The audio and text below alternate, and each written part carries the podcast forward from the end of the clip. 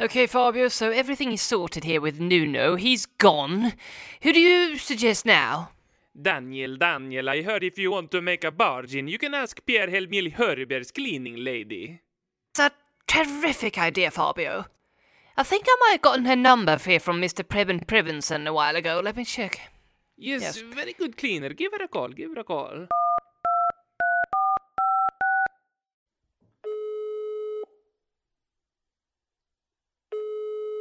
Ja, Hello, this is Daniel Levy calling. varför är Nuno syk? Sorry, what? Fordi han savner en spids, der ikke er kold. Excuse me, I. I, I don't speak. I, well, well. Fabio, let's call Conte instead. Yes, yes, very good coach. Hi, this is Ledley King, and you're listening to the Ledley Kings Need podcast. Podcast.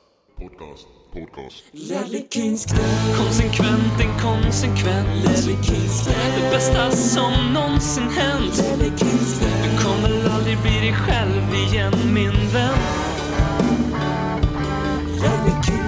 Här flödar hybrisen. När vi poddar på nytt igen. Du kommer aldrig bli dig själv igen min vän Lellekins knä är tillbaka. Och det är också Pripps blå-ljudet. Och det är ju för att Spurs-hybrisen har börjat smyga sig tillbaka i min kropp. Den spirar som den här Pripps blån snart kommer göra.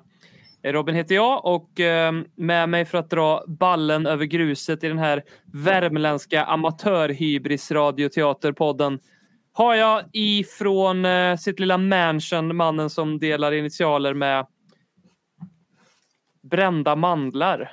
BM. Eh, vi fick ett eh, lyssnarpåstående här att du bara dricker snabbkaffe. Stämmer det? Absolut inte. Eh, Jag kan räkna antalet gånger jag har druckit snabbkaffe på min vänstra hand och som alla vet så har jag bara tre fingrar på vänster hand. Så. Oj. Jag, jag älskar snabbkaffe. Alltså det är så en genial produkt. Bestäm hur mycket kaffe du vill ha i. Med en gång. Det är, som bland, det är, det är kaffeversionen av O'boy. Det är Fantastiskt. Och eh, Lerkins knäversionen av O'boy är ju Per Frykebrant som eh, sitter och sippar på något italienskt ser det ut att vara. Eller så, Jajamän. Det är Det en den eh, här, färgen. härlig, härlig Sangiovese-druva här från, eh, från Puglia. Eh, för att fira denna italienska afton. Eh, som Mm. detta ju är. Eh, ballar ska dras mot gruset mina herrar. Botten upp det. på den här jäveln.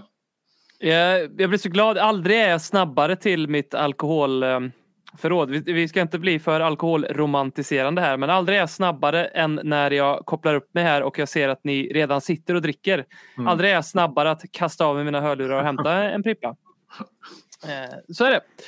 Eh, vi, kan väl, vi ska ju prata om eh, våra nya tränare Antonio Conte eh, och eh, vår före detta tränare Nuno Espirito Chito. Men innan vi gör det så eh, ska vi prata om eh, fem tidigare tränare vi haft. Eh, för Rickard Hjalmar eh, skickade in en liten härlig eh, fråga som jag tycker funkar som ett litet eh, uppvärmningssegment här. Han skrev eh, topp fem favorithaverier i Tottenham. Nämn alla tränare vi haft sedan Premier League grundades. Berätta vad ni kände när de skrev på samt hur det kändes när de slutade. Och vi kommer väl inte köra alla sedan Premier League grundades tror jag. Eh, för jag vet inte hur många det är men det är uppemot en 20-25 stycken skulle jag väl tro i alla fall. Eh, så vi kör dem. handlat 11 själv så. Ja, eh, precis. Eh, så vi kör de fem senaste. Hur kände ni när, ehm, eh, Eh, förutom nu då, men hur kände ni när Harry Redknapp skrev på?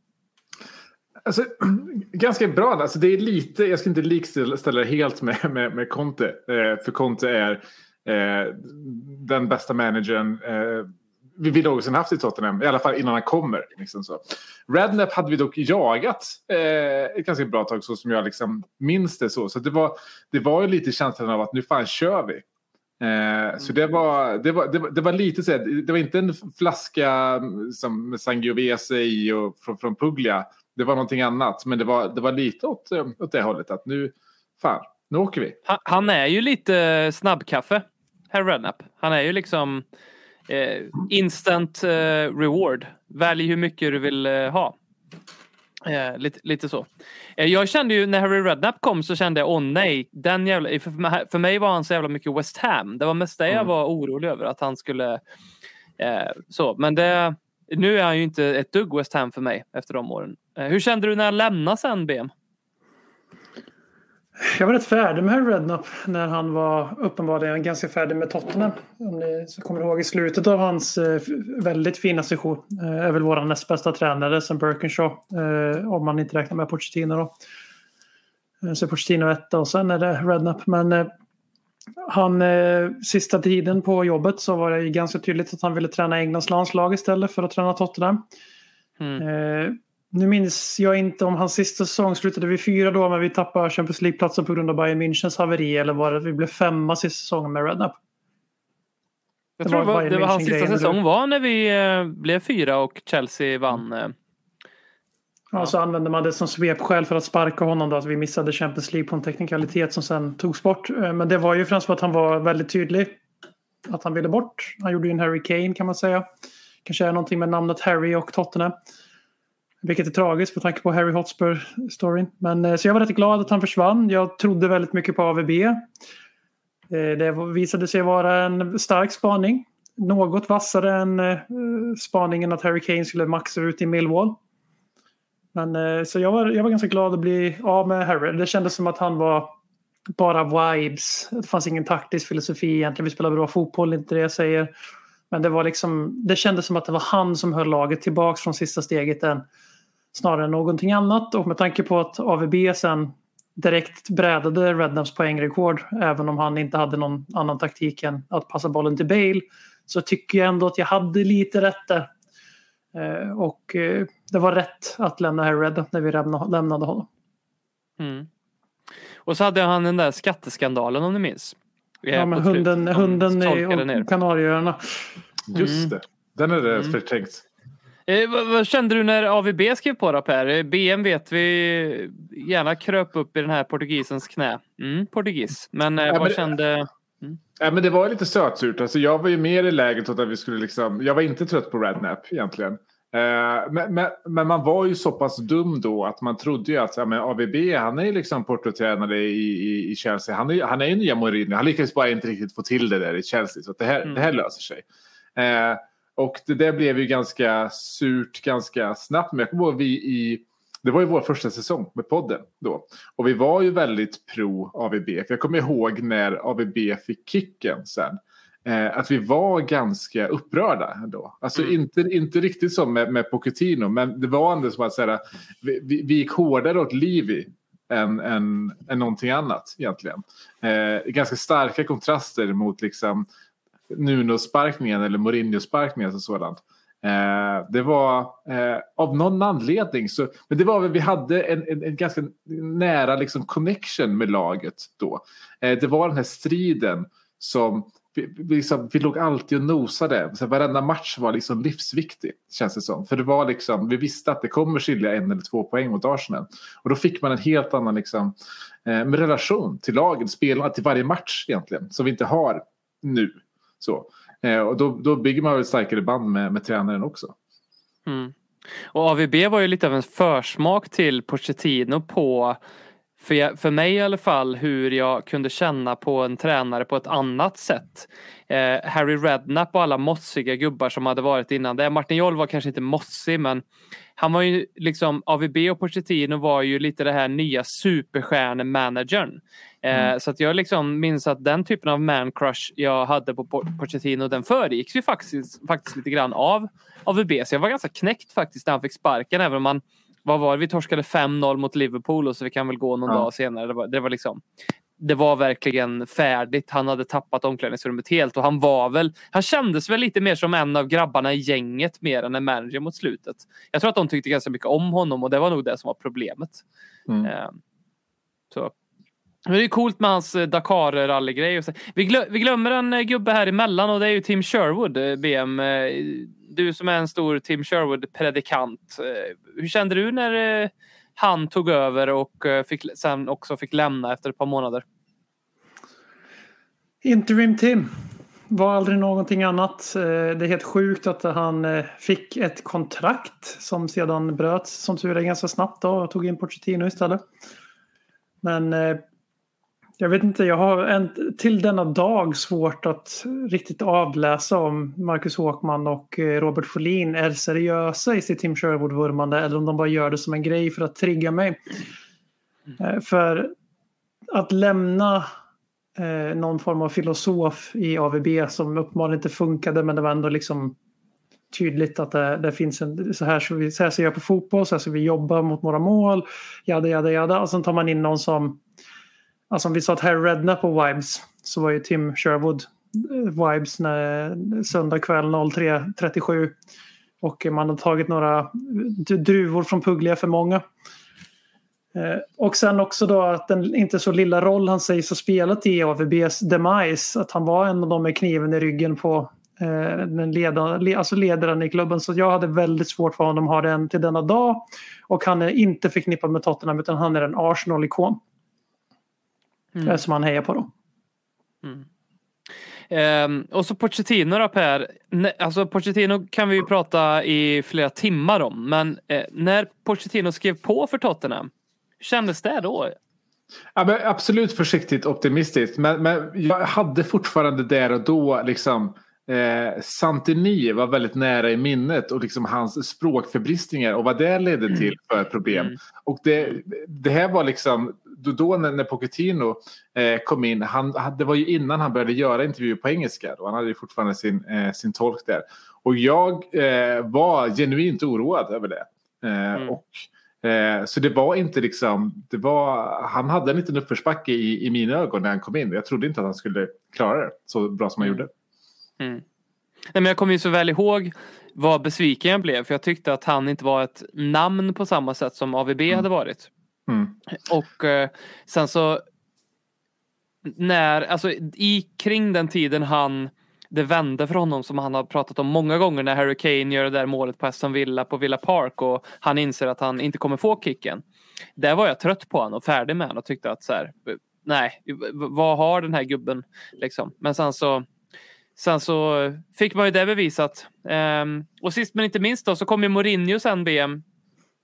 Det här är ju ganska färskt. Eh, ska vi riva upp det såret? Hur kändes det när Pochettino fick sparken och José tillträdde där? Har du kvar känslorna? När jag sitter här den här dagen, eh, jag med min Peroni, eh, Per med sin druvor från Puglia och du med din Prips. För det är ju italienskt enligt dig. Pripsirella. Så den där italienska fest på eh, Det känns nästan overkligt att vi har en sån här dag så kort på den dagen. Jag tror det är 19 november. Jag är inte helt säker på att det är exakt det datumet men jag tror det. Mm. Eh, Jag och Per spelar in en blixtpodd Mm. eh, för att hantera den här alltså direkt traumatiska omvändningen. Jag tycker ta mig fan till denna dag att jag och Per lyckas vara relativt nyanserade i det avsnittet. Medan min, alltså på insidan så var det nästan så här dagen då fotbollen dog. Det var ju en vanlig jargong och rubrik på Sportbladet för några år sedan. Så fort det kastades en bengal och så fort det syndes en bengal ska jag säga på en allsvensk läktare så dog fotbollen hela tiden. För mig var det liksom dagen då Tottenham Hotspur dog. När José Mourinho kom in. Flera år efter sitt bäst före-datum. Eh, tar över från den överlägset mest framgångsrika, mest sympatiska och framförallt förkroppsligandet av vad Tottenham är. Den här underdogen som alltid slår uppåt mot de större drakarna. Att han blir sparkad för den mannen han blir sparkad för. Eh, ja, som sagt, det känns overkligt att vi nu sitter här denna Antonio Conte-Eve och gör oss redo för en riktig jävla fest. För det är för bara att erkänna att Antonio Conte är mer lik José Mourinho än Maurizio Pochettino. Så titta vad han gjorde ändå för oss, portugrisen. Mm. Ja, Nu ser jag- vi fram emot helt plötsligt. Mm. Ja. Jag ska, jag, jag ska eh, välja att inte liksom eh, eh, nappa på det där betet som är att eh, Conte mer lik eh, Mourinho än Pochettino. Men jag vill bara säga det att fan, det är verkligen två år av djävulskap för att komma fram till den här dagen. Som är Mm. den bästa dagen i mitt Tottenham-supporterskap på kanske två år. Nej, två Jag tycker år. vi kan säga att att det här är våran motsvarighet till We-Day. Alltså, vi känner ju lika starka känslor nu som Europas folk gjorde. Det gör vi. Det gör vi. Äntligen förstår jag vad min farfar pratade om. Han pratade om Per, kom, du kommer aldrig, du skulle bara varit veta hur det var när freden kom till Europa. Och jag, under, hela, under hela liv, jag sa att jag kommer aldrig förstå hur du kände. Men nu, nu vet jag. Och så sitter jag här som en jävla tunt med en mikrofon framför en dator och dricker ett väldigt gott vin, ska tilläggas. Ja, Det, här är, mitt- här är mitt husvin. Eh, Alltså? Mm, mm. Ja. Kan du berätta mer om um, andra världskriget eh, i en, i en Jag- annan podd kanske? Eller? Ja, absolut. absolut. Mm. Vi kan väl ha en eh, eh, lite, ja, arkivet. Spin-off-podd. Ja, Andra ark- världskriget. De, de, de uteblivna åren, arkivet. Ja, Exakt. men på riktigt skulle det inte vara ganska intressant att ta reda på vad som hände med Tottenham eh, under tiden för Ja, men följa, följa spelarna. Liksom. Mm. Vad, Mm. vad, hände, vad hände här kriget? Mm. Så, vad gjorde de? Mm. Hur kände de när Absolut. freden kom? Men eh, i en podd nära dig, snart. Långa poddar, Vi ska ju inte fastna för mycket nu i eh, Nuno. För eh, det tror jag ärligt talat att både vi och lyssnarna är jävligt trötta på. Så eh, jag säger så här lite kortfattat Per, hur, hur, hur kommer du minnas Nuno? Jag kommer, jag kommer nog knappt göra det om jag ska vara, om jag ska vara helt ärlig. Eh, eh, nej, hur, hur kommer ni Det är som att han har Alltså, dött nu. Ja, men det, det är ju lite så. Det är ju lite så. Alltså, han har ju inte mått bra. Det har ju verkligen synts. Alltså, han har ju verkligen inte fått förutsättningar för att må bra. Komma in i den liksom. Eh, vi underskattade nog där och då de liksom förutsättningarna han kom in med. Han kommer in som tionde val. Eh, vi har liksom hela Hurricane-sagan. Eh, han kommer till Hotspur Way den där dagen och ser att han ska inte få sitta i den gamla vanliga tränarkontoret. Utan det traditionella tränarkontoret som alla tränare har haft, det har eh, Paratici, eller Paratici, eh, tagit. Eh, så han Men, får är, lite- är det sant? Ja, ja. Ja, han, sitter, han, sitter inte, eller han satt inte i liksom tränarkontoret utan han fick sitta i mindre rum. Det är ju väldigt roligt det här. Ja, det är jättekul. Så snacka om att underminera en tränare. Det är så här, Ja. offe- offentligt tionde val. Du får inte ens ett kontor och du får ett jättekort kontrakt. Vem fan ska lyssna på dig? Vem Ja. fan ska göra det? Och så, och så till råga på allt så just den här säsongen så råkar våra träningsoveraller vara lite, så här, lite prassligt töntiga också. Så, så, jag har Ja. alltid tyckt att Nuno ser lite töntig ut i de där som en supporter med lite för prassligt stora kläder också. Mm. Eh, så att han, var ju, han hade ju uppförsbacke från start, verkligen. Men, verkligen. kan man ha mer uppförsbacke i ett jobb än nu då? Alltså jag tror inte det går. Sen så nu är det så här att han har ju ändå så här. Det, det är ju sjukt när man tänker på det. Vad vi ändå så här på något sätt har gått igenom den här säsongen och så här, vi har bara spelat tio matcher. Det, det är en, en fjärdedel in på säsongen. Eh, den här säsongen lever fortfarande för oss. Vi kan åstadkomma bra grejer den här säsongen. Eh, och då har vi ändå gått igenom den här uh, mardrömssagan som är Nuno Espirito Santo. Men Vi måste ju snappa upp det för att Kristoffer Svanemar från ehm, jag vet inte vad jag ska säga. Att Han är från Simor säger vi. Och eh, Som, podcasten eh, Testa Stö. Ja, eh, precis. Den. Och um, Dobb-TV och sådär. Han, han, han skickar ju en liten passning till eh, oss Spurs-fans idag. Men om ni har sett den. Men eh, han eh, tyckte att vi var um, löjliga som först eh, gnällde bort Mourinho och sen gnällde bort eh, Nuno för att sedan välkomna Conte. Eh, och han tyckte att vi på sätt och vis då eh, inte riktigt... Eh, att vår självdistans var lite, lite, lite knepig. Eh, ligger det någonting i det, BM?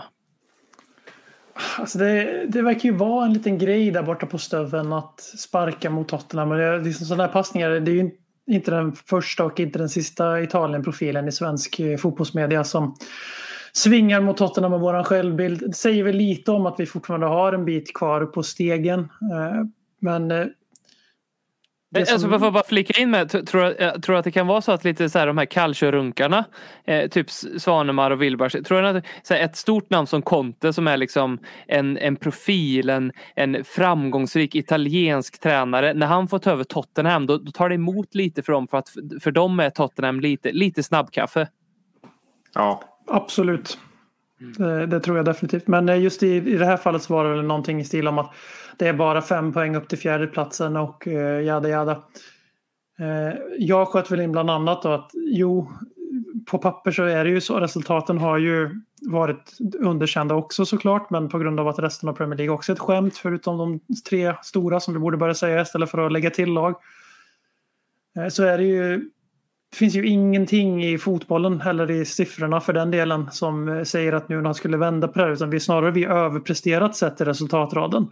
Och att vår målskillnad som är minus sju efter en fjärdedel in på säsongen. eh, Den är mer nära sanningen om hur dåliga Tottenham är än att poängskörden är något tecken på vad som ligger och slumrar i det här laget. Eh, så att det är väl lite, lite missförstånd i att varken Nuno eller Mourinho åstadkom, eh, alltså de åstadkom inte resultat och de spelade pissfotboll. Sen är det ju bara i villigt erkänna att Antonio Conte hade man ju kanske inte varit helt eh, euforisk över om man tänker Tottenham DNA. Men det är samtidigt svårt att säga att när en av världens tre bästa tränare verkar vara villig att ta sig an det här liket det ju, skulle ju vara väldigt konstigt att reagera på något annat sätt. Det så Mourinho, jag förstår parallellen, folk försöker liksom tvinga den här parallellen Mourinho och Conte. Men när Mourinho kom 2019 så var han slut. Eh, det är bara Italienrunkare som tror att José Mourinho fortfarande är en världstränare. Trots att han förlorade med 6-1 mot Bodø Glimt. Trots att han tappade, tre, han tappade två måls för, försprång mot Dinamo Zagreb.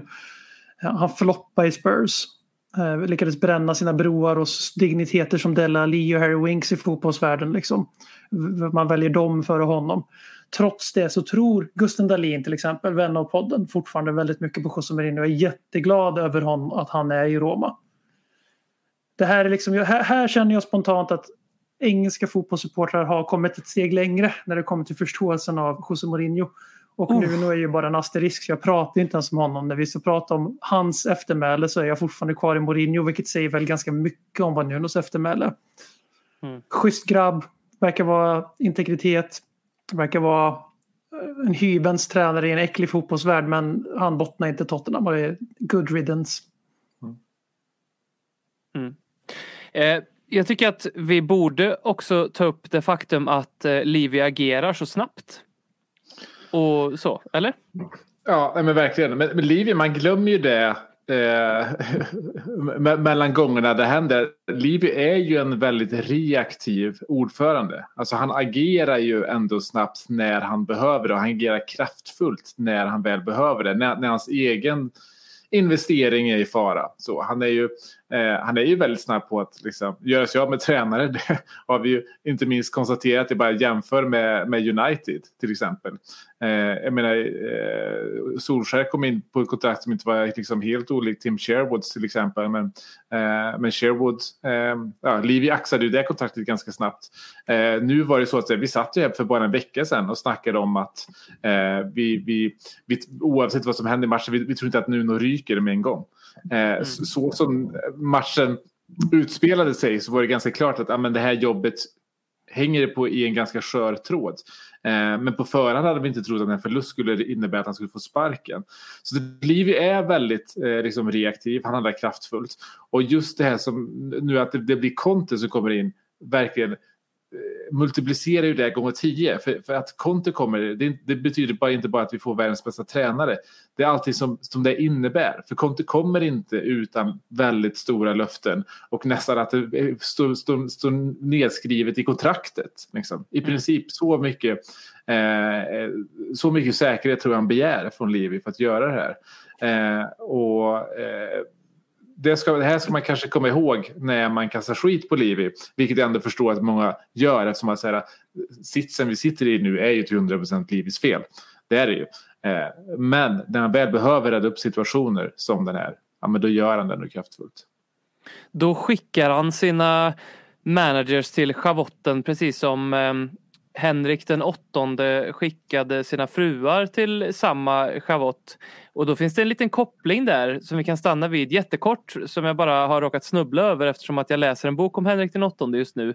Eh, Henrik den åttonde fick sin andra fru, fru Anne Boleyn mördad för att hon eh, så att säga innan äktenskapet och under äktenskapet skulle ha haft lite sidoaffärer med andra karar eh, som de också bli, givetvis då eh, blev halshuggna. En av de kararna var Henry Percy och då kanske sitter någon och bara, fan Henry Percy, det namnet känner jag igen. Ja, han var ju typ eh, barnbarn, barnbarns, barn, barns barn till den Henry Percy som kallades för Harry Hotspur och som sedermera har gett namn till Tottenham Hotspur. Eh, så på sätt och vis så finns Tottenham-kopplingen i Henrik den åttondes kletiga förflutna. Eh, ja, inte helt liksom Alltså estetiskt oerhört olik. Eh, Henrik den åttonde stor, fet, eh, mycket rött hår. Eh, Daniel Levy liten, nätt och inget rött hår. Men deras sätt att ta sig an sina ja, meningsfränder, ja, inte helt olikt. Ja, bra, um, ja, jag tycker det ändå. Jag tycker vi kan spara den i minnet. Mm. Vi som vi gärna gör den här historien. Ja, vi tar med oss den och mm. ser vad vi hittar mer på det. Eh, mer i det här avsnittet. Eh, Okej. Okay. Hur ska vi glida över till Conte? Eh, ska vi omfamna det här helt eller? Nej, men vi, vi, ska, vi kanske bara ska säga några ord liksom, om, om United-matchen. Eh, eller inte matchen som sådan. Utan, ja, den bryr jag mig inte så mycket om. Men vad, så, vad, fan, vad fan hände? Eh, och då tänker jag mm. inte på resultatet, och tänker inte på spelet. Utan så här, precis som vi var inne på eh, alldeles nyss, eller som, vi, som jag var inne på. Eh, vi, vi trodde ju inte att han skulle få sparken efter matchen inför matchen. Men den stämningen som var på läktaren, jag har mm. aldrig varit med om det. Någonsin. Alltså när Lucas Mora blir utbytt. Och publiken, Lucas Mora blir utbytt. Exakt, Lucas Mora blev utbytt. Då publiken liksom ställer sig upp, spyr galla på Nuno, spyr galla på Inik. Det bryter ut fistfights över hela arenan. och ett sånt jävla helvete. Och jag, jag, är ganska säker på att om inte han hade bytt ut Lucas Moura, då hade inte han varit eh, arbetslös idag. För alltså den reaktionen var vad som satte igång eh, den, här, liksom, eh, den här spiralen för honom. Det var de reaktionerna eh, som väckte Liby. Eh, vi har hört ganska många rapporter om att liksom, hur förvånad de var över bemötandet på arenan. Eh, vi vet att Paratici sprang rasande ut ur arenan när Cavani gjorde 2-0. Och när, när det här liksom kom, kommer upp då inser man att ja, de här tomma läktarna under Mourinho, de räddade nog honom ganska länge. Om man mm. inser liksom hur det har ju hänt ganska mycket i Tottenham under de här två åren. Om man inser hur mycket, hur mycket kan ha berott på att vi inte haft fansen på plats. Alltså hur liksom distanserade har ledningen blivit från liksom gräsrotskulturen inom supporterskapet när de inte har liksom, eh, fått vara nära supportrarna. För att det här tog dem med sån, med sån storm egentligen. Eh, och att de agerar så snabbt direkt. Eh, det, det är ganska fascinerande. Eh, Tottenham är kanske en klubb där fansen faktiskt har en hel del att säga till om. Eh, det verkar i alla fall så. Mm. Känner du att du har mycket att säga till om BM? Ja, alltså det är ju... Jag känner mig som Bergman där när, när han skulle bli inbytt och möts av det största burop som Tottenham Hotspur Stadium har genomlevt än så länge. Men tror Per är inne på någonting där att det som har hänt under de här 18 månaderna med coronaboll drygt så skyddas ju Mourinho, skyddas Livi, skyddas klubben, skyddas från supporternas känslor eftersom att självklart de som alla andra vettemänniskor de stänger ju av sociala medier. Det, det går ju liksom inte att värdera eh, hur stämningen är kring en klubb genom att sticka sitt finger ut på Twitter och känna av för där är det ju antingen blinda fanatiska Livi-backare eller lika blinda Livi-belackare. Så där kan du ju inte göra, du kan inte få något intryck där. Och jag tror att med Nunos lilla eh, epok här vid rodret så var det ju så att det gick ganska snabbt för folk att vända. Det är bara att lyssna på den här podden den här säsongen. Det tog inte jättemånga veckor före jag och Håkman började tvivla ganska ordentligt på Nuno. Eh, men man håller någon form av mantra om att det är för tidigt, vi kan inte dra några slutsatser. Eh, det finns inte, det finns ingen skäl än. Det, vi, vi, kan inte vara en sån klubb för att bygga tillbaka. Som vi pratade om AVB där han fick sparken efter bara 18 månader efter Rednap. Då kändes det som att vi är inte en seriös klubb.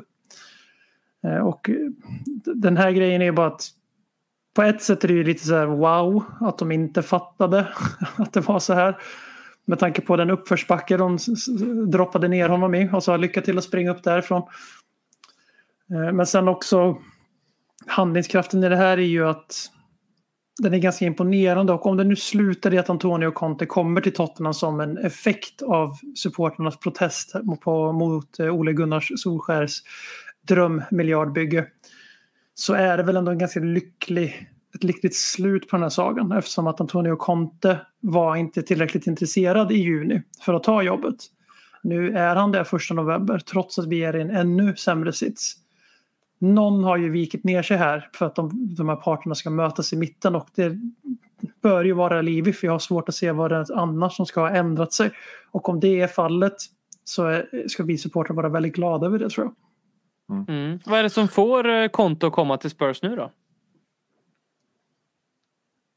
Ja, alltså eh, en, en, en jävla krigskista. Nej, men jag, jag tror att så här, Livi har definitivt krupit i korset. Det, det, är klart att så här, kritiken som Livi får är ju allt som oftast rättfärdigad. I det att han försöker ju alltid ta den billigaste lösningen. Så. Och eh, Conte var i somras inte den billigaste lösningen. Han var nog den bästa lösningen men, men Livi var helt enkelt inte riktigt villig att bemöta det. Han ville testa ett lite billigare alternativ vilket han har gjort flera gånger förut. Nu har Livi inte ett enda val. Eh, för nästa, liksom, efter att han sparkar nu, då är det så att nästa val av manager kommer liksom definiera så extremt mycket för liksom hela Enix ägandeskap av Tottenham. Det, det, är så som det kommer definieras, det är så som det kommer betygsättas. Och då har du egentligen bara ett ordentligt alternativ.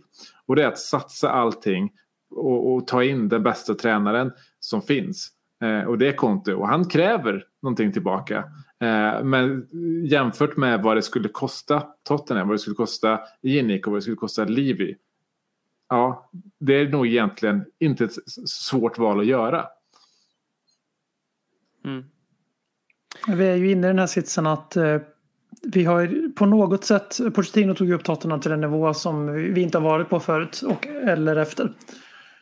Och vi har ju lyckats leva kvar på den på det podiet trots att vi ganska stadigt har gått neråt egentligen ända sedan årsskiftet 18-19 eh, när vi ligger uppe med, jag tror vi har tagit nästan 50 poäng när det blir nyår 2019. Vi är med i det här 100 poängsracet tills julen faller av. Vi har 13 friska spelare och spelar Wings Oko på 4-4-2 diamant.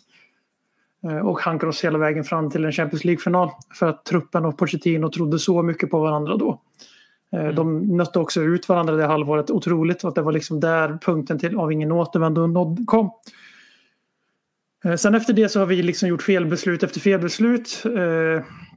Vi har eh, tagit tydliga steg bakåt i hierarkin. Vi har sett rivaler, framförallt Manchester United, verkligen spänna bågen när de, när de kom ikapp och gick om oss igen. Eh, för att de vet att de måste göra det. För att de, har, de har inte heller råd hur länge som helst att hanka sig fram efter Sir Alex och göra bort sig. Eh, och när vi då kliver in i den här matchen mot United då är det ju det El Sakico som vi döpte det till. Och jag trodde ju precis som Per och eh, Åkman och du att han får inte sparken oavsett. Han får den då. Förmodligen, jag vill, det här är min teori, men att Paratici har hållit tråden öppen med Conte medan han har varit arbetslös. För det går så otroligt snabbt det här. Mm. Eh, Nuno får sparken. Eh, Conte är i stort sett klar när vi spelar in det här. Åtta timmar har gått ungefär en arbetsdag.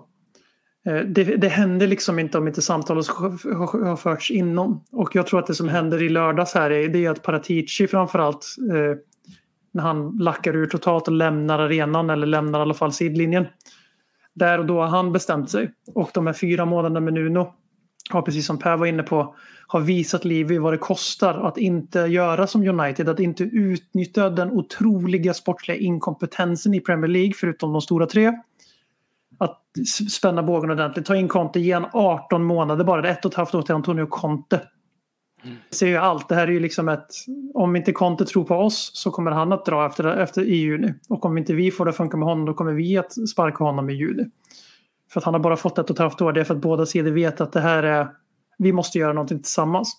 Newcastles ägarövertagande har nog inte varit en så liten roll i det heller. Att West Ham ska få in en check som ska pumpa in miljarder i West Ham.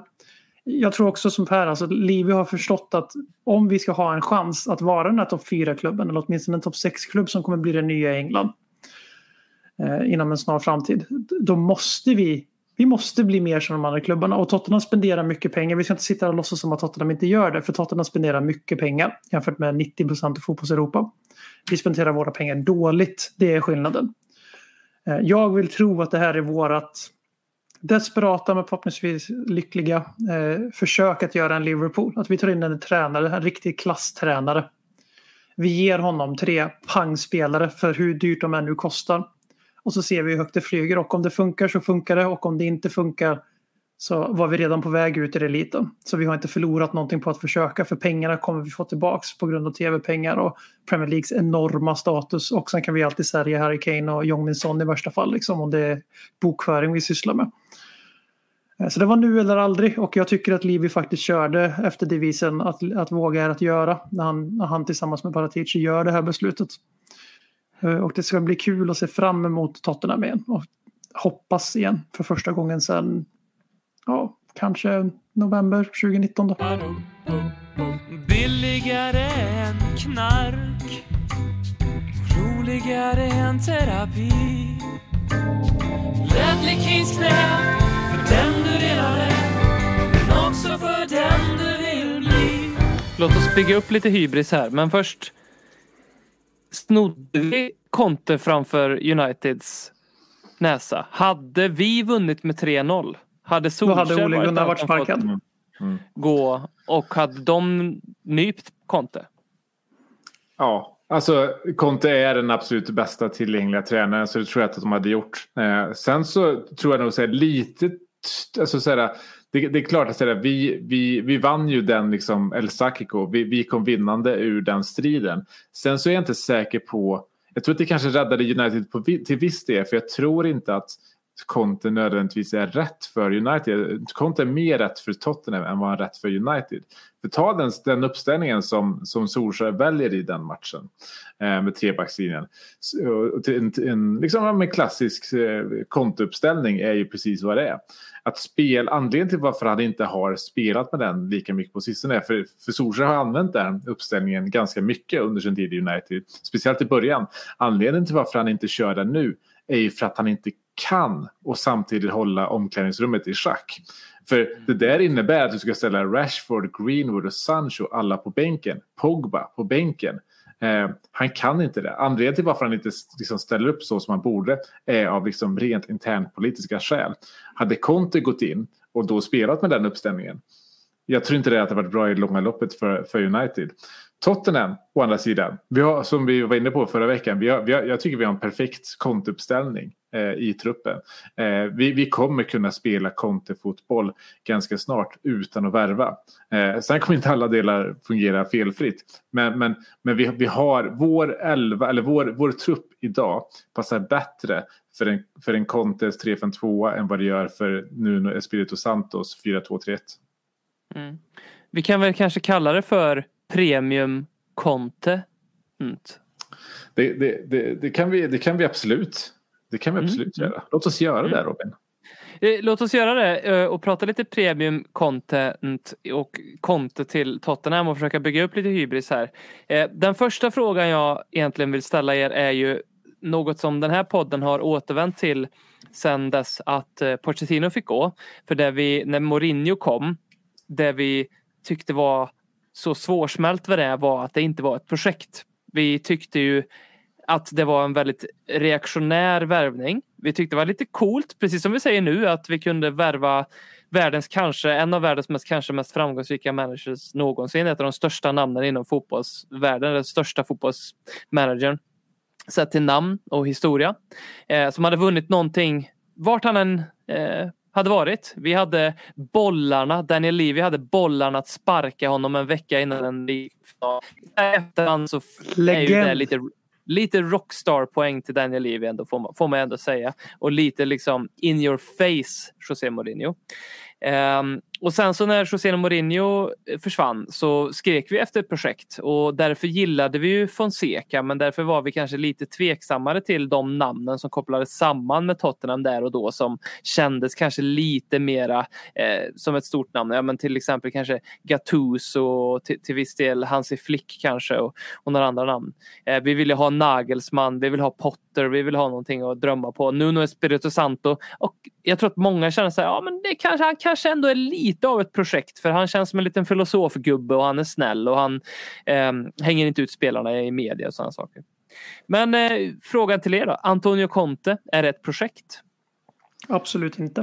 Eh, han har till att börja med bara 18 månader. Sen kan vi självklart räkna med att det finns ett optionsår där. Eh, jag vet inte om det kommer vara så att båda parter har varsitt eller om det är så att klubben kan bestämma att förlänga kontraktet eh, inom en viss ruta. Men eh, det är inte ett projekt. Det här är att rädda ett projekt.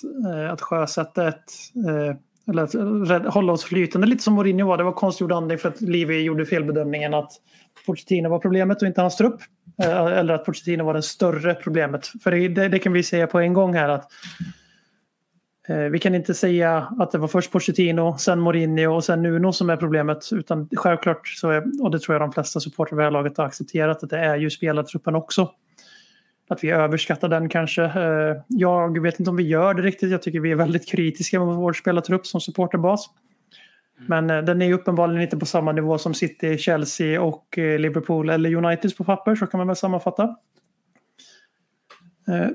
Däremot är Antonio Conte ganska mycket bättre än Ole Gunnar Solskjaer på papper. Han är definitivt på samma nivå som de andra tre lagens och det är där vi förhoppningsvis får in lite poäng. Både i tabellen men också i alltså hur, hur resten av businessen kommer att skötas. Eh, Som Per har varit inne på att det här är en tränare som har kommit in och han har fått luften. Det finns inte på kartan att han inte har fått det. Eh, Och eh, det vi kan räkna med här, även om vi kanske inte får ett långsiktigt projekt, så är att vi kommer att få en tränare som alltså, vinner vad han gör. Eh, det kom ju ut lite tweets idag om att han, var han har tagit sina klubbar ifrån. De har kommit in ofta, när de har varit sjua, tia, femma. Tagit dem till första platsen säsongen efter varje gång. Eh, Den trenden kommer förmodligen att brytas här, men eh, att vi ska ta steg uppåt, det- det hoppas man ju och tror på. Sen är det ju också, man får inte glömma bort den här lilla aspekten att eh, Antonio Conte har ett väldigt stort namn i fotbollsvärlden. Och det finns nog både en och annan stjärna i Serie A som kanske blir några procent mer välvilligt inställd att bli Harry Kanes ersättare i Tottenham sommaren 2022. Än vad han hade, än vad han hade varit om det var Nuno Espirito Santo som satt där. Eh, det, kan, det känns inte helt omöjligt att någon i, från Inters guldlag känner att fan, jag kanske ska testa England då. Pengarna är bättre, det är världens största liga, man får mer exposure där. Jag, jag ringer Conte. Jag, jag är mittback jämte Eric Dyer och Joe Rodon. Eller förhoppningsvis Romero, men det var roligare att säga Rodon och Dyer. Eh, så att det, vi får ju den biten också. Och sen får vi ju också en faktiskt ganska taktiskt flexibel tränare som får för ofta målas med samma pensel som José Mourinho. Det finns ytliga likheter mellan de här två, men José Mourinho är en personkult. Och Antonio Conte är en eh, utnötande personlighet. Det är ganska stor skillnad. Jag får inte bilden av Conte som att vara en narcissist. Jag har inte sett massor med intervjuer där han pratar om sig själv, i, som kallar sig själv för the special one eller pratar om sig själv som ett lejon och sådana grejer som andra narcissister tycker om att göra. Och när man läser på om Antonio Conte, förutom hans taktiska profil som är ganska välkänd vid det här laget, 3-5-2 i grunden och sen eh, putsar man runt det lite. Men det är en person som spelare verkligen, som Mourinho brukade beskrivas, spelare dör för Antonio Conte. Eh, det var Juventus, jag var Pirlo tror jag som sa det, att han hade haft, när han höll sitt första tal för Juventus-truppen. Eller som Pirlo hörde, jag, kommer inte, jag minns inte om Pirlo var där när Conte kom dit eller inte. Så sa han att efter det talet så var det liksom som att det, det var som att någon hade sparkat upp spärrdörrar i Pirlos sinne. Och Andrea Pirlo var inte liksom en medelmåttig fotbollsspelare som inte hade nått sin potential om man säger så. Men en så begåvad spelare som har haft så lång karriär, så högt tak säger att ett möte med Conte så kände han att ingenting var omöjligt och att han kunde ta ännu fler steg. Och detsamma gäller Cesc Fabregas som blev petad av Conte, tvingad att bli en helt annan spelare. Han säger idag att det är han och Arsene Wenger som har betytt mest för hans karriär för att Conte fick honom att tro att han kunde vara någonting annat än den han var som ung. Eh, så det här är inte bara en Mourinho-kopia som är fortfarande på sin prime utan det här är en fruktansvärt begåvad fotbollstränare som faktiskt vann Serie A med Inter och hade värvningar som Ashley Young eh, och några till medelmåttiga gamla gubbar från Manchester United. Så att han måste inte köpa spelare för 100 miljoner pund styck för att vinna. Han behöver bara få de spelare han pekar på. Och han är, verkar uppenbarligen då vara tillräckligt flexibel för att nöja sig med en Alexis Sanchez, en Ashley Young och ändå vinna ligatitlar. Så att eh, jag är hype. Ja, och sen så jag tänker bara vad gäller liksom eh, projekt och långsiktigt tränare. Alltså man måste ändå ställa sig frågan vad är ett projekt i dagens fotboll, i dagens Tottenham? Vad är en långsiktig tränare? Genomsnitts liksom, livslängden på en tränare i Tottenham är ungefär vad, eh, vad Contes kontrakt är på nu. Eh, och eh, sen så är det inte så, det, det finns här och nu inga projektnamn tillgängliga. Så vi kan ju glömma bara den sakens skull. De som finns tillgängliga är ju Fonseca och det är Gallardo. Jag tror inte att någon av dem hade kommit till rätta med det som är problemet just nu. Vilket är att inget, ingen spelare i laget vill offra sig. In- Ingen vill springa. Vi springer minst i ligan. Bara kolla på målen. Se en Asylmensson som ska vara liksom vår ledartyp i, i Höjbjer. Står helt still. Eh, jag tror inte ens att en sån som Potter hade fått igång dem den här säsongen. Det har varit ett väldigt Nej, långsiktigt aldrig. projekt.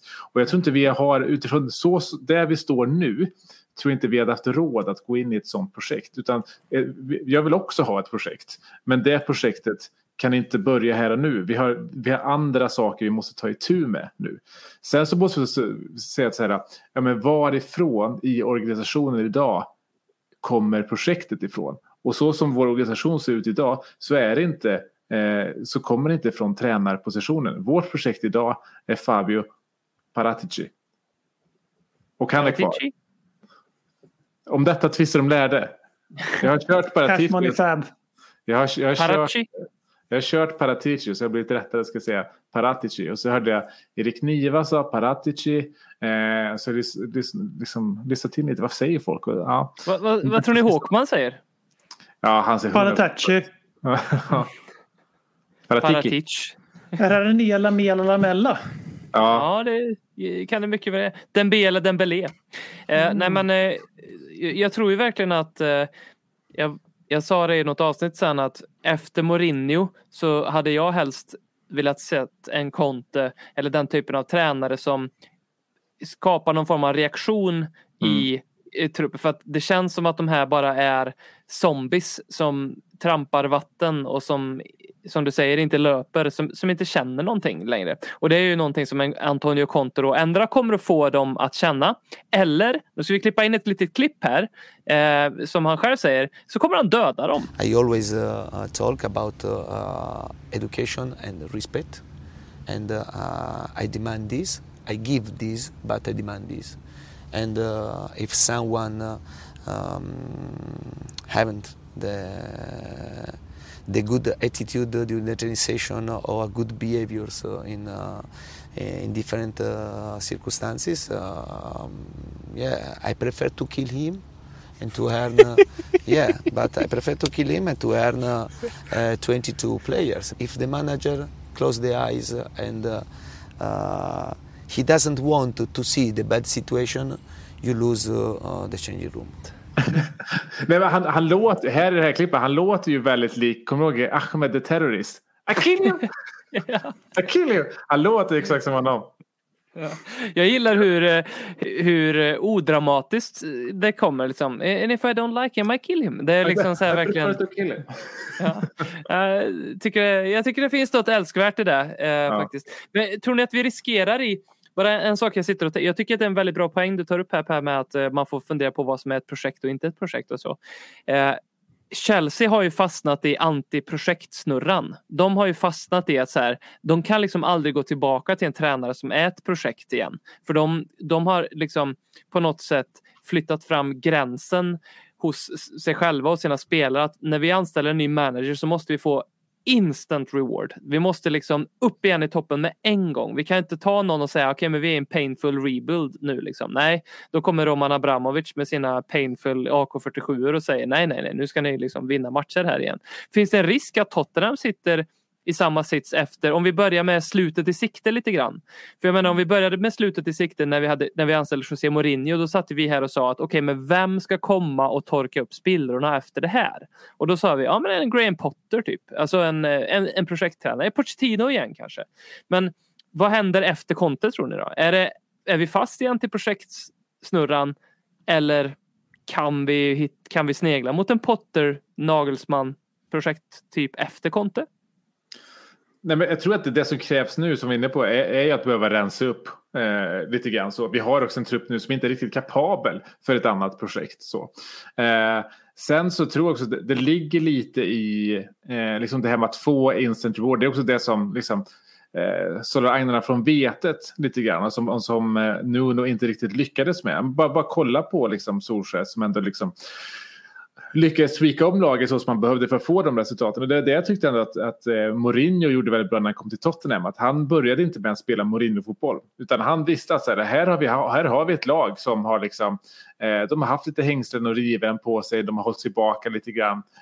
Jag går in i första matchen mot West Ham och låter dem bara spela anfallsfotboll som de vill. De får spela hur fan de vill. De måste bara få lite skott på mål. De måste få göra lite mål.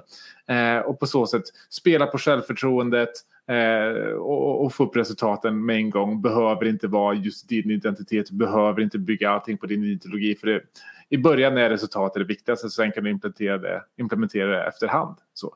Och, och, och så agerar ju skickliga tränare. Och så agerade inte Nuno. Och det ska bli intressant att se hur, hur det blir med Conte. Men jag tycker att ett projekt, ja, men en skicklig tränare framför allt. Och en skicklig tränare kan ändå göra både och. Om man kollar på Manchester City och Liverpool. De har ju två tränare som är... Fan vet om inte de är de mest långvariga i Premier League nu. Kanske Sean Dyke har varit längre i Burnley än vad de har varit i Liverpool kontra City. Sean Dyke? Sean Dyche. Eh, men eh, så att det, liksom, det där är ju självklart. Det finns ju alltid klart man vill ha det man inte har. Och vi kommer att, om det inte går bra för Conte, då kommer man vilja ha en projekttränare. Men skillnaden mellan Chelsea är ju att de har försökt en gång, så som jag ser det, att göra ett projekt. Och det var när de fick en transferban på ett år. Och då tog de in Lampard för att stryka sina supportrar medhårs. Eh, det är ett rimligt val med tanke på att deras supportrar, eh, de flesta av dem har ju bara känt ett Chelsea och det är ju Chelsea som köper till sig titlar till höger och vänster. Så då tar man in en ikon för att eh, slicka såren. Och det gick ju okej okay, ett tag. Sen var det ganska snabbt därifrån. Liksom Tottenham är så här, jag tror att vi supportrar övervärderar kraften i ett projekt. Eh, för ett projekt i den här podden märker jag när vi pratar nu, det betyder långsiktighet, gärna samma tränare i fem år eh, och bygga från grund. Och det är mer så här, för, för, för, för, förlåt min arrogans, men det är mer projekt för ett lag som Brighton. Mm. Som behöver ta sig från 14 plats i Premier League upp till Champions League-hyllan. Och de har valt Graham Potter och en fruktansvärt imponerande struktur runt honom också. De gör väldigt, väldigt mycket bra och väldigt, väldigt mycket rätt och på sikt kommer de kanske kunna klättra upp. Men när man väl kommer upp och spelar bland de stora pojkarna och tjänar de stora miljonerna. Då, ska det behöva, då behöver det vara väldigt, väldigt rätt tränare. Och då kommer vi tillbaka till Pers grundpoäng här. Att det viktiga är att tränaren är skicklig för han kan anpassa sig efter projektet som behövs för stunden. Eller än att man har någon som på sikt ska bli något. Eh, och Tottenham kunde ligga före kurvan. Vi pratade mycket om det här i somras när vi slog våra slag för Graham Potter. Jag är helt övertygad om att han hade gjort eh, väldigt, väldigt bra i Tottenham om han hade fått rätt struktur omkring sig. Men så länge vi försöker vara ett storlag som behöver snabba resultat för att behålla bilden av oss som ett storlag, då kan inte vi anställa en Graham Potter. Utan då måste vi vänta tills han har tagit Brighton till en sjunde plats han kommer ta dem till år, åttonde plats eller vad det nu är. Han har mm. redan börjat bli uppsnackad av Klopp och Pep nu. Hans genombrott är här. Men om vi hade tagit honom före säsongen och det såg ut exakt som nu, alltså samma resultat fast lite bättre fotboll. Då hade det varit en stor, stor del av Tottenhams supportrar. Förmodligen färre än mot Nuno. Men en stor andel av våra supportrar som hade vänt sig mot Potter direkt. För vi supportrar är hycklar vi vill ha långsiktiga projekt, vi vill bygga på det här. I alla fall i, i den här podden, som sagt, det, det märks när vi pratar. Men vi vill inte ha, vi vill inte ha Mourinho så. Vi, jag hade aldrig ställt mig bakom Mourinho i fem år om inte vi liksom spelade champagnefotboll, han blev en helt annan människa och vi inte gjorde, gick ner oss sportsligt. Alltså det finns ju inte den världen där alla de här sakerna inträffar. För det är inte José Mourinhos natur. Däremot är det inte sagt att det, finns, att det inte finns Antonio Contes natur. Han har fått sparken av ett jobb och det var Chelsea. Alla får sparken i Chelsea. Vad, vad är det som säger att han inte kan vara här i tre år? Fyra. Och är han här i tre, fyra år då har han varit länge på jobbet. Eh, och vad som händer efter honom det är för tidigt att tänka på men jag har absolut inga problem att se en verklighet där vi plockar in precis Graham Potter om ett och ett halvt år. Eller Pochettino kommer tillbaka från Paris om ett och ett halvt år. När den här truppen till slut har blivit utblåst och varenda spelare som inte längre håller måttet eller brinner för klubben är inte kvar längre. Eh, och eh, det ska bli så otroligt befriande att för första gången på tre år ungefär inte behöva ha den här diskussionen om är det spelaren eller truppen. För nu kommer vi alla enas kring våran eh, demontränare för nu är det inte Mourinho. Frågetecknen kring Conte är inte samma som Mourinhos. Och om Conte tycker att eh, min personliga favorit Bob Kelso eller Giovanni Lo Celso inte håller måttet, då ska han bort. Om Tanguyen Dombele inte passar in i Contes fotboll, då ska han bort. Mer snabba beslut, inget mer sitta kvar på eh, vad ska man säga, fastigheter eller vad vi ska likaställa spelarna med här. Inget mer sitta kvar med Delali i två år genom chans på chans på chans för att hans marknadsvärde är för lågt för att sälja nu mot vad det var förut. Utan alla spelare som inte håller måttet, inte vill vara här, inte tror på det vi gör just nu. De ska bort. Conte kommer tvinga bort dem. De kommer att ersätta spelare som vill vara här, som brinner för projektet, som brinner för Conte och som gör det jobbet Conte vill att de ska göra. Och eftersom just han kommer hit nu så är jag övertygad om att det är precis det som är överenskommet i styrelserummet också. För annars hade vi inte tagit hit någon. För Danny Levy lämnar inte nyckeln till någon annan över Tottenham. Folk glömmer bort det men Levy väger väl 20% ungefär själv av Tottenham. Så att det, det, det finns liksom det finns ingen anledning att oroa sig över ett och ett halvt år framöver just nu. Utan låt oss göra den här smärtsamma rebuilden. För det kommer bli smärtsamt för många i truppen. Men jag tror vi supportrar kommer att tala, tycka om det. Det- Det enda som är lite dåligt med de här, eller enda, men en grej som är dåligt med de här kortsiktiga tränarlösningarna är ju att varje tränare ska liksom ta sin tid för att utvärdera om Harry Winks och Dele Alli har någonting kvar på fotbollsspelare i Tottenham. Och till slut så sitter vi där och så har de fått sex år mer än vad de borde ha fått i tröjan. Ja, men sen där har vi väl en fördel att jag håller med där att det finns ju en poäng i det. Men där har vi en fördel att Conte kan inte göra förändringarna nu för det är första november. Han måste hur han än vrider och vänder på det ha de här dårarna i två månader och de, de två månaderna får väl vara nog att räcka som utvärderingsperiod hoppas vi. Så att vi inte sitter i februari och bara, ah, men vi ger dem till sommaren. Ja, en, en sista liten eh, Conte-grej här nu då, som Henrik har skickat in. Vilka spelare är det som gynnas av att Conte kommer? Mitt elaka svar är alla för att de har fått en kompetent tränare men ja, så kanske vi går lite djupare än så, jag vet inte. Han- du får, han- du får välja han- en som gynnas. Han har ju en förkärlek till två spelare vet vi sedan innan. Den ena är ju Harry Kane som han har pratat upp eh, väldigt mycket. Stort fan av honom. Eh, när han var studieexpert under, under EM här så var han ju väldigt mycket kring eh, att Harry Kane används alldeles för långt ner i banan. Han ska vara en boxspelare, han ska alltid vara i boxen. Spelar ingen roll om han är offside, han ska stå där. Liksom. Eh, så det där har vi ju en ganska given vinnare och är någon som kanske också behöver det här tränarbytet allra mest. För alltså, den som har betett sig sämst i det hela har ju varit Harry Kane. Alltså att, att se någon av de senaste matcherna och speciellt senast mot United var ju som att se Eh, när Vardy eh, de sista matcherna för, eh, för Ranieri när han liksom i princip gick runt på banan. Så, eh, så Kane är en ganska klar vinnare. Jag tror att spelsystemet eh, kommer gynna honom också. Jag tror att han kommer börja ösa in mål igen.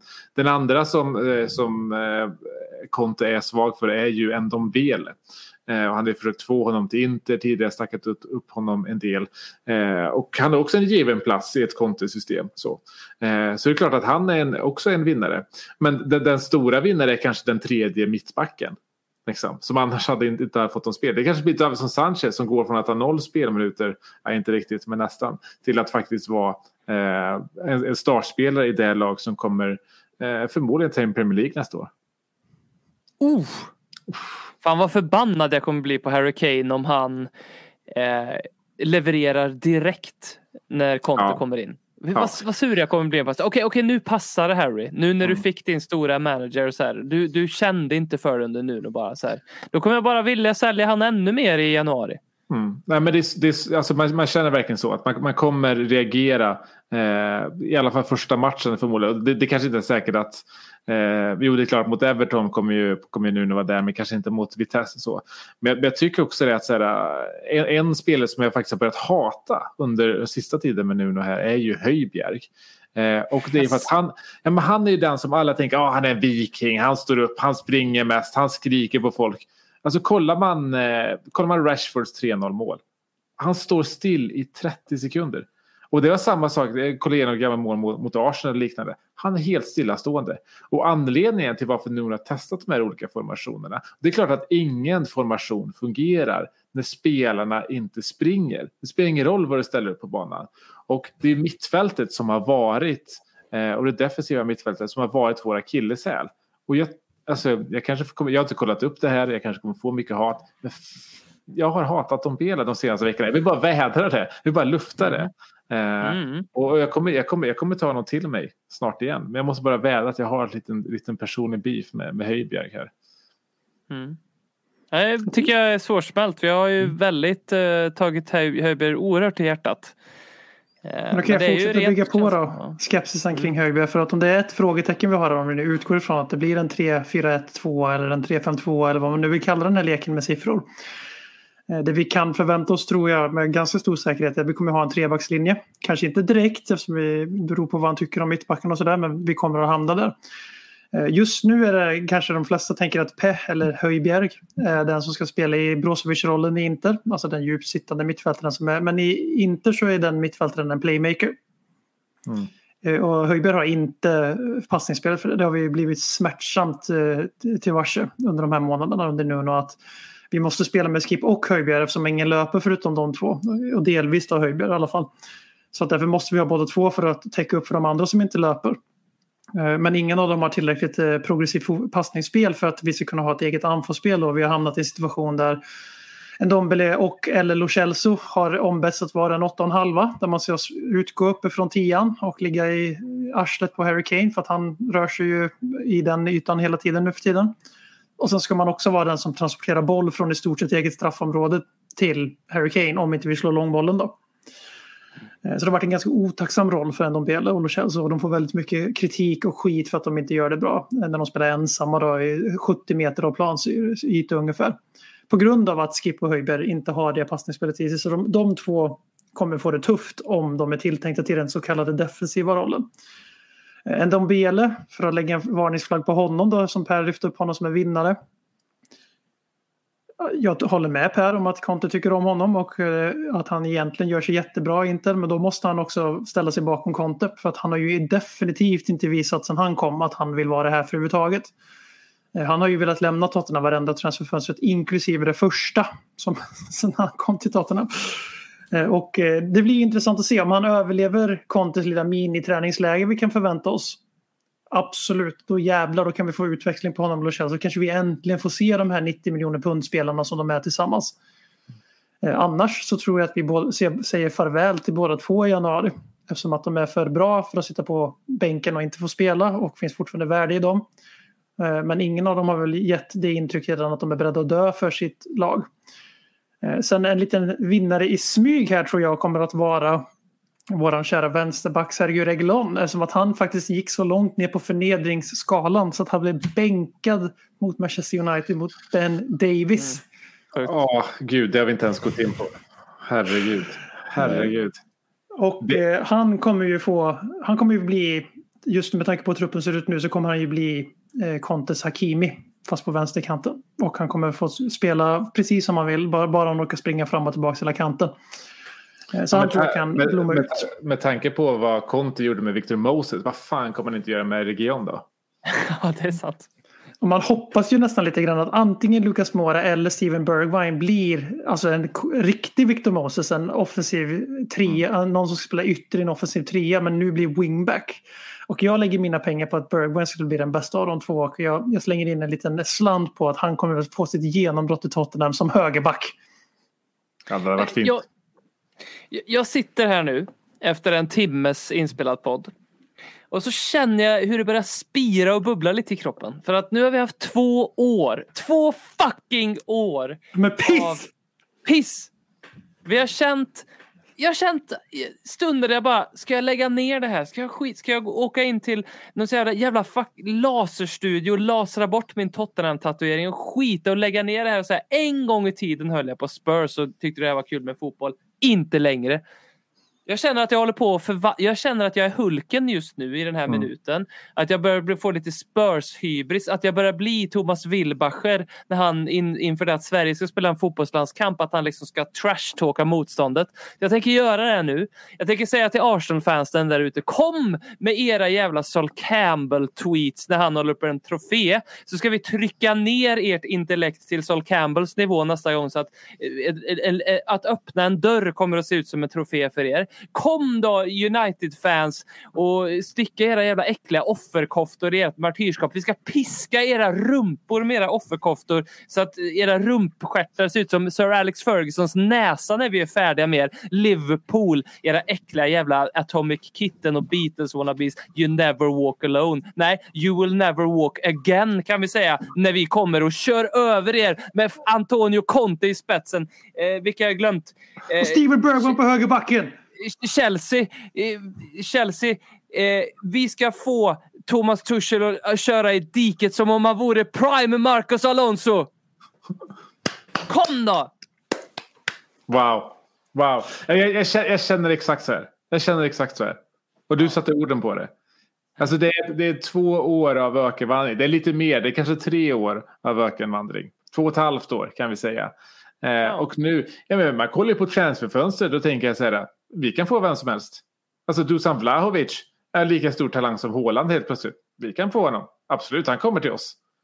Alltså Barella, ja absolut, han kommer till oss. Frågan är ju vilken av stjärnorna som kommer till oss snarare än om någon kommer. Och sen är ju också nästa fråga hur många titlar vinner vi på de här 18 månaderna? Inte om vi vinner en titel utan hur många titlar vinner vi? Alltså vi vinner ju Champions League redan i år. Så är, det känner jag. Det känner jag. Ja, för fan vad gött. Ja, men jag vill känna det där. Jag vill Mm. känna det där som jag kände under Prime Pochettino när det var liksom, men, men när vi ställde upp med Kyle Walker, Vertongen, Alderweireld, Danny Rose i backlinjen. Det känns det så här. Va, vad fan ska ni sätta emot? Vad fan Mm. tror ni när ni kommer till White Vi spelade en säsong på White Hart Lane när vi inte förlorade en match. Det var liksom det var inte så att det var bekvämt att titta. Man kände mig bara så här, ja men kom då, vi ska fan boxa era äck- äckliga ansikten. Ehm, Ja, men det, det, och, och, alltså, och, och jag menar, att kolla den truppen vi har. Alltså, när, man fantiserar och gör sin liksom konstställning i huvudet. Och så tänker man så här, hur de här spelarna ska funka när de faktiskt funkar. När de faktiskt är så bra som de kan vara. Det är ett, det är ett bra lag. Det är ett bra jävla lag. Man tänker Kane och Son som anfallare offent, alltså officiellt. Båda två är anfallare nu. Inte så här någon Exakt. hybrid som båda två har varit nu. Utan nu är de ett anfallspar. Fy fan, de kommer pissa in mål. Exakt. Du Det har, är du har, 20 måls garanti för alla anfallare i Conte. De här gubbarna gör ju 20 mål även med Mourinho som fucking tränare. Så det blir 40 mål för båda då. Mm. Du har wingbacksen i Reguilon och Emerson.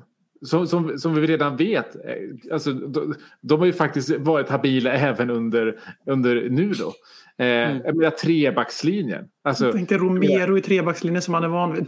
Ja, alltså och, och Romero, han är ju alltså jag tycker även efter United, han är en av ligans bästa mittbackar. En av världens bästa mittbackar därför också. Eh, alltså fruktansvärt bra. Och, och, och tänk i, i inom mitt fält att kunna få ihop kanske i, alla, i någon gång här snart hoppas vi, kanske både Lo Celso och Ndombele. Alltså...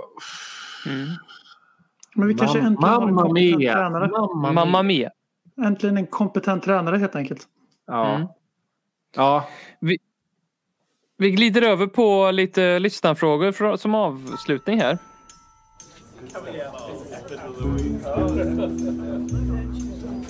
But I want to say one thing. I want you to listen to me. I'm going to say this again. I did not have sexual relations with that woman. Och jag kunde på rak arm konstatera en direkt lögn.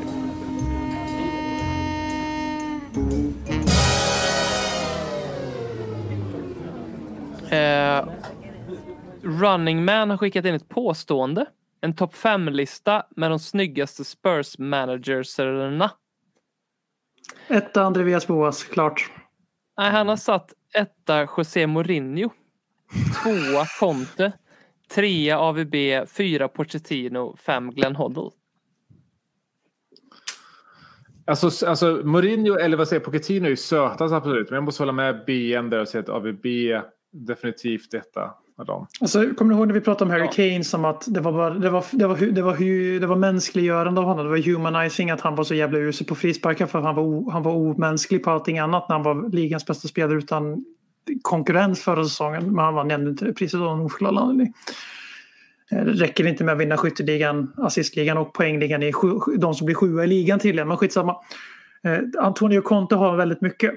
Han är en gudabenådad tränare. Han är en titelgaranti. Han kommer att krossa de andra topp 6-lagen som i ditt nya segment där jag hotar alla topp 6-lag istället för jag skrattar åt topp 6.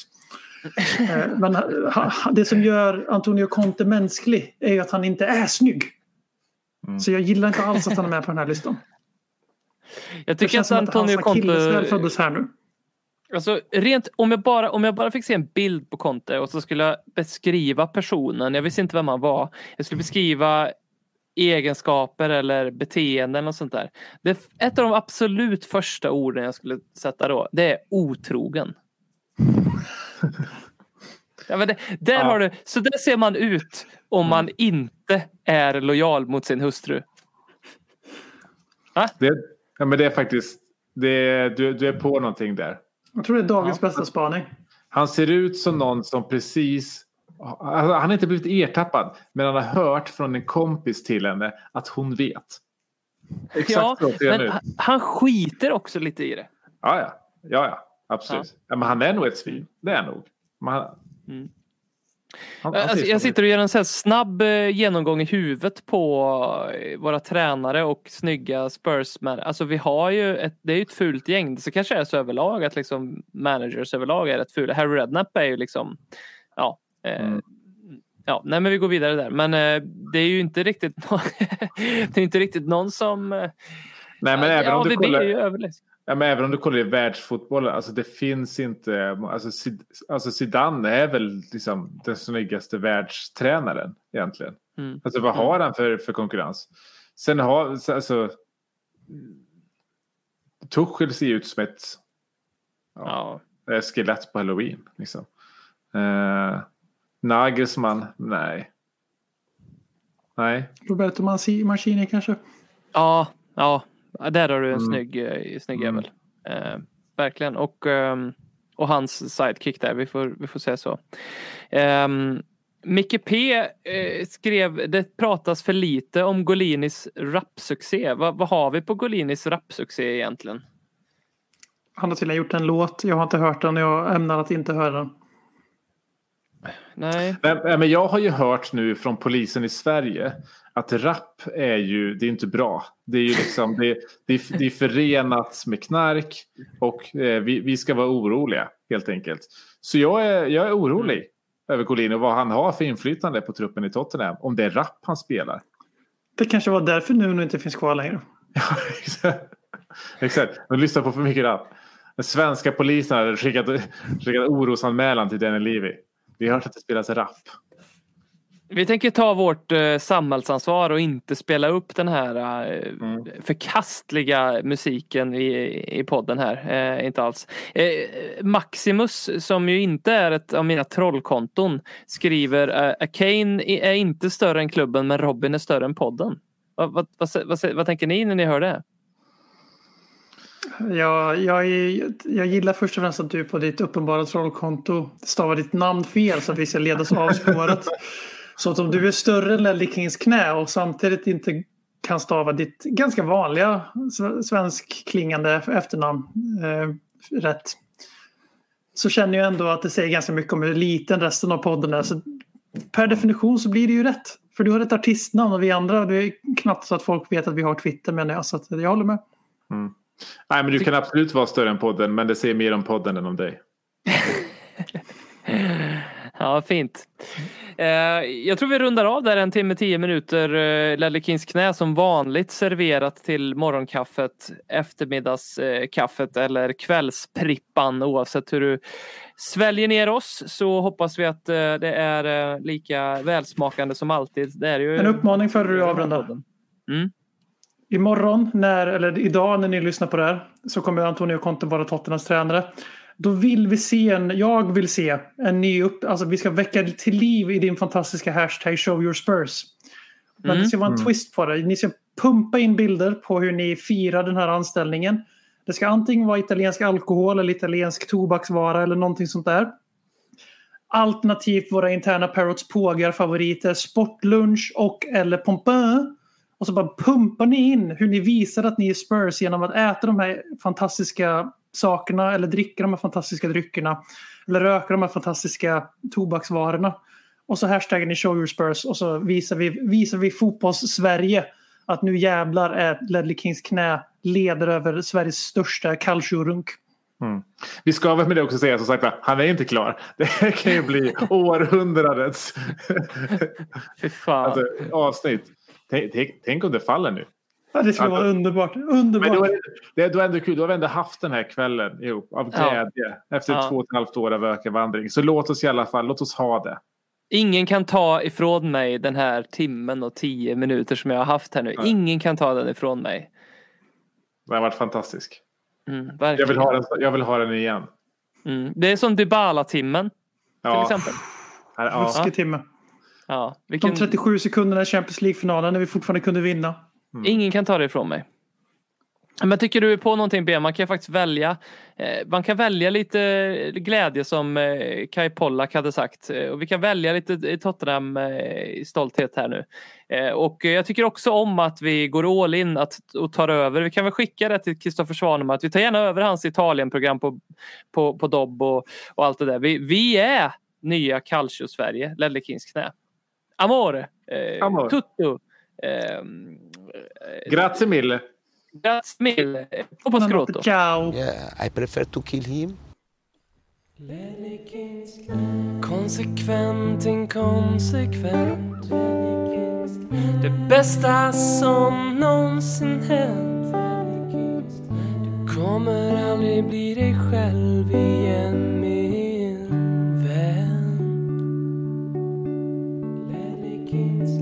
Här flödar hybrisen.